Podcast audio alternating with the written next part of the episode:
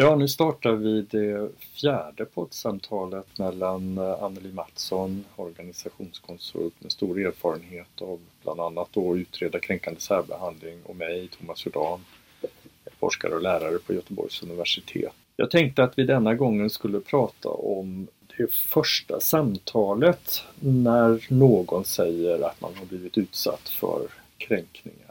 Kan ju vara att någon har skrivit en riktig anmälan men många gånger är det inte så utan det kommer muntligt på olika sätt. Ja. Och jag tänker att det är rätt så viktigt det där första samtalet. Jag vet att det ibland görs utredningar som är ganska onödiga att göra. Ja. Därför att hade man haft ett ordentligt samtal där man gick igenom vad är det som har hänt så skulle en del av dem föras över till en annan hantering ja. än en utredning då.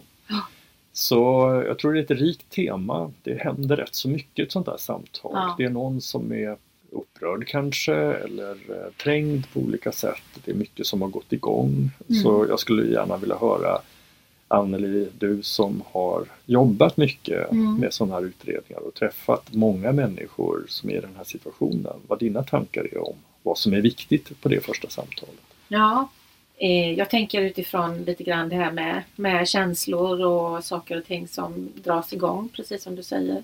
Så gör det ju det, alltså när det kommer till detta med kränkande särbehandling så, så drar det igång väldigt mycket känslomässiga processer, drar igång stress och osäkerhet både hos eh, den, eh, den eller de som är eh, berörda av själva händelserna. Och sen dras det också igång så att säga, en stressnivå i organisationen. Så på ett sätt kan man säga att det blir någon slags beredskapsläge eh, eller så i organisationen. Som, där man egentligen inte är så rationell. Mm. Och eh, att man behöver ha ett medvetande om det och också på något sätt jobba aktivt med att eh, mentalisera det som pågår. Kan du säga vad du menar med vad, det? Vad menar jag? Jo, jag menar så här. Att eh, till exempel om man får en indikation då på att nu ska vi ha det här samtalet. Det är någon som känner sig utsatt. Det har hänt en massa saker. I regel är det någon chef eller så som kommer att ta det första samtalet med någon form av eh, förförståelse. Innan detta samtalet ska ske så tror jag att det är jätteviktigt med reflektion hos den som ska leda samtalet. Att eh, man reflekterar lite kring sin egen position i detta. Vad, vad är det som händer med mig nu? Hur kan det påverka hur jag ser på detta? Eh, att man försöker öppna upp för det oväntade och inte ha liksom en given hypotes om vad det här kommer att handla om eller vad det handlar om och så utan att öppna upp för det oväntade. Liksom. Mm. Eh, att lyssna med girafföron. Och vad menar du med det? eh, då menar jag att man lyssnar utifrån liksom en slags observation snarare än att man ska bedöma och göra en liksom, värdering av det som framkommer och så. Försöka anstränga sig och ha en empatisk position till den man träffar och försöka att så att säga lyssna aktivt då. Mm. Och jag förutsätter utan att förmedla till personen att man håller med om verklighetsbeskrivningen nödvändigtvis då. Just det. Mm. Eh, och jag tror också att en annan sak eh, är bra att, att våga att våga avvakta med beslut så att säga om hur man ska gå vidare. Att man så att säga tar sig tid och processar med det som framkommer så att man inte är för snabb helt enkelt. Mm, yeah. Och det vet jag att du också tänker lite kring. För du har ju också skrivit lite om, eller du har någon, någon schema över hur du tycker att Ja, det, jag har skrivit ner några punkter mm. om hur, vad jag tänker är viktigt att ha med ett sånt här samtal och det kommer ju mera kanske utifrån vad jag har sett vilka misstag som görs ibland mm. snarare än efter det som du är inne på, just det mera psykologiska. Mm. Hur blir det ett bra samtal? Hur tar man hand om stresspåslaget mm. både hos den som håller samtalet och den personen som ja. har, anser sig utsatt för, för kränkningar då. Men, så eh, det jag tycker är viktigt att ta upp då det är naturligtvis så, så ska man ha ögonen öppen och fråga efter hur personen faktiskt mår. För mm. det, är, det är viktigt att se till att personen får stöd på något sätt. Det är man ju skyldig också enligt mm. föreskriften att, att göra. Men jag tycker det är jätteviktigt att man i det här samtalet och, och kanske inte att man ska eh, sådär eh, precis störta sig på det men att man ändå är rätt så noga med att få en väldigt konkret beskrivning av vad är det personen menar är kränkande Ja. särbehandling. Ja. Vad är det för händelser som har hänt? Yes. Och att om, om det då kommer ganska vaga, svepande saker så behöver man ändå vara lite enveten där. Att man. i, fråga efter exempel och, Ja. och vad är det för specifika händelser, vem, när, var, hur Mm. eh, och, och så vidare. För att kunna så småningom göra den där bedömningen då.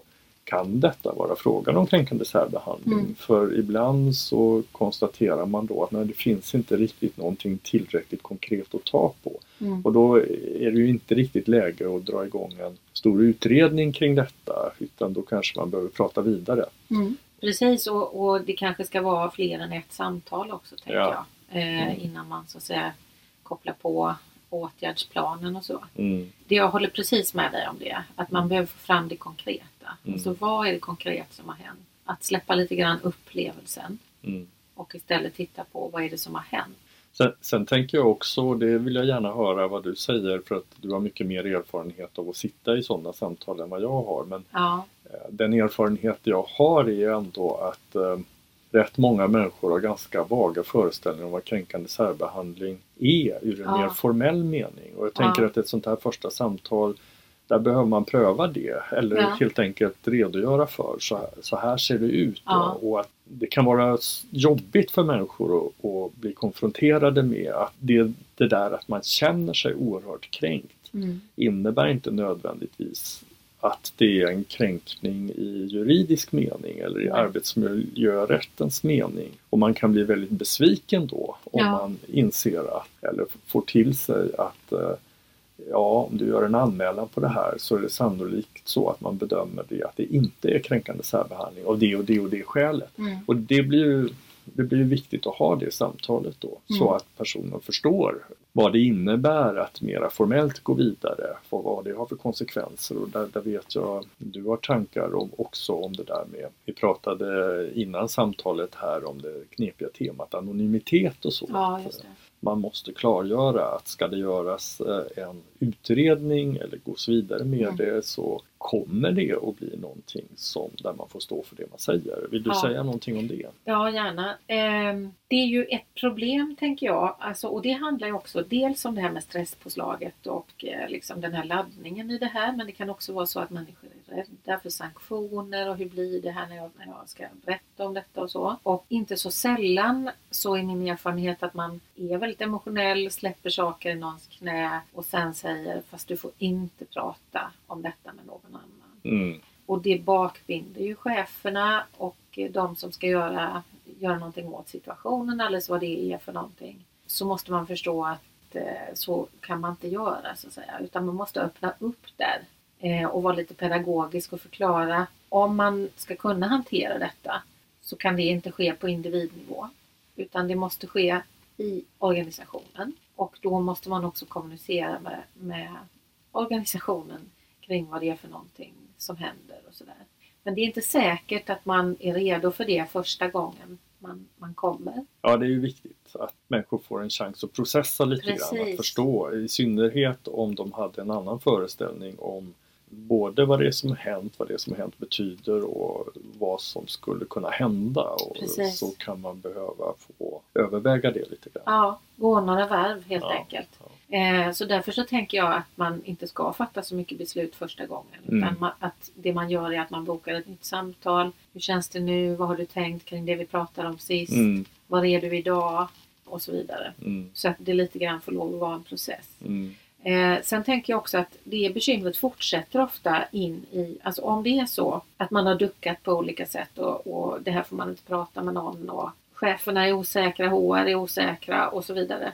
Så är det inte så himla sällan som det har blivit så att man sitter där som utredare och det kommer personer som inte vet vad det här handlar om. mm, Eller som, som inte vill tala om vem det gäller och så vidare och så vidare. mm. Det blir ett jättebekymmer för det är inte utredarens roll att eh, leverera bakgrunden till händelsen utan det, det är någonting som måste kommuniceras från organisationen. Vad Mm. handlar det om? Ja, ja. Mm, Vad är det vi ska utreda? Hur kommer det gå till? Mm. Vilka kommer att vara involverade Mm. då? Hur ska de jobba under tiden? Och så vidare. Och så vidare. Mm. Så det är en massa också praktiska saker som påverkar själva arbetet. Så du är noga med att göra upp med uppdragsgivaren Precis. om hur informationen kring detta Exakt, ska vara? ja. ja, nej, det tänker jag är jätteviktigt också. Så att det inte är någon överraskning för någon Mm. om det är så att det går dithän till en utredning. Men en sak som dyker upp hos mig då det, det är hur gör du när det är någon som där det finns verkligen anledning att tro att den här människan är utsatt Ja. på ett uh, oacceptabelt sätt men Ja. som är väldigt rädd. Alltså väldigt rädd för att råka ut för repressalier Ja. eller bli illa behandlad ytterligare eller bli ännu mer utsatt och exponerad. Så Ja. Hur hanterar du sådana situationer? Dels så tänker jag ju då att eh, om det är så att man ser att här finns det, liksom, här finns det en risk för att någon eh, antingen kommer att bli sjuk eller bli sjukskriven eller, eller har krisreaktioner eller vad det nu är för någonting. Då måste man också göra en bedömning av hälsotillståndet på den här personen. så Mm. att säga. Att här är det krisreaktioner. Det är inte säkert man ska öppna en utredning i ett krisläge. Mm, Man kanske först måste göra en massa andra saker. mm, Så det handlar igen om att så att säga leda den här personen igenom denna processen. Och det är inte alls säkert att man ska starta med en utredning nej. i ett läge där man är i affekt eller där man inte kan riktigt känna att man kan trygga alla parter. Utan då är det andra saker som behöver hanteras först på arbetsplatsen. Mm. Har du varit med om att du har avstått från att göra en utredning fastän det fanns anledning att tro att här Ja. förekom? Ja, det har jag faktiskt. Ja, jag kan förstå det. Och, eh, och då, har det, då har, har det handlat om att någon har varit väldigt skör. Mm, Att det har funnits en aggressivitet och kanske till och med en hotbild. mm, där organisationen inte har beredskap för att hantera resultatet kan också vara en anledning ja, till att inte gå igång med en utredning. Mm. Att man märker att det kommer inte kunna hanteras av organisationen efteråt eh, och att man backar då. och, och eh, vad händer då? Alltså, har du någon möjlighet eh, eller är ärendet så att säga avslutat för dig? Du kan inte göra någonting eller finns det något annat?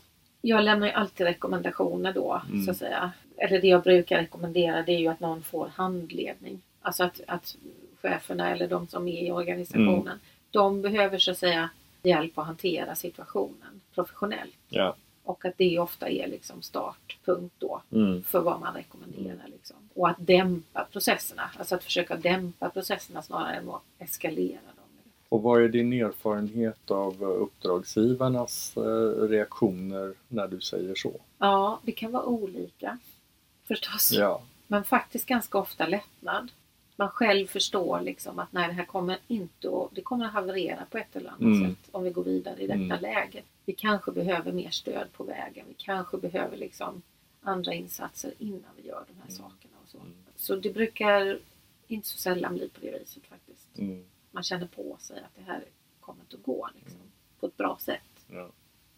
Nu är det ju en sak när eh, det är du som sitter där och har ett samtal med någon som betraktar sig som utsatt. Men Ja. många gånger är det ju kanske inte du som har det första samtalet med personen. Och Nej, du har ju då kanske inte varit med när personalspecialister eller högre chef eller vem det nu är, eller kanske skyddsombud för den delen, Mm. har det samtalet. Men har du eh, några erfarenheter om vanliga misstag som man gör när man är amatör så att säga? Ja, när man är amatör, ja.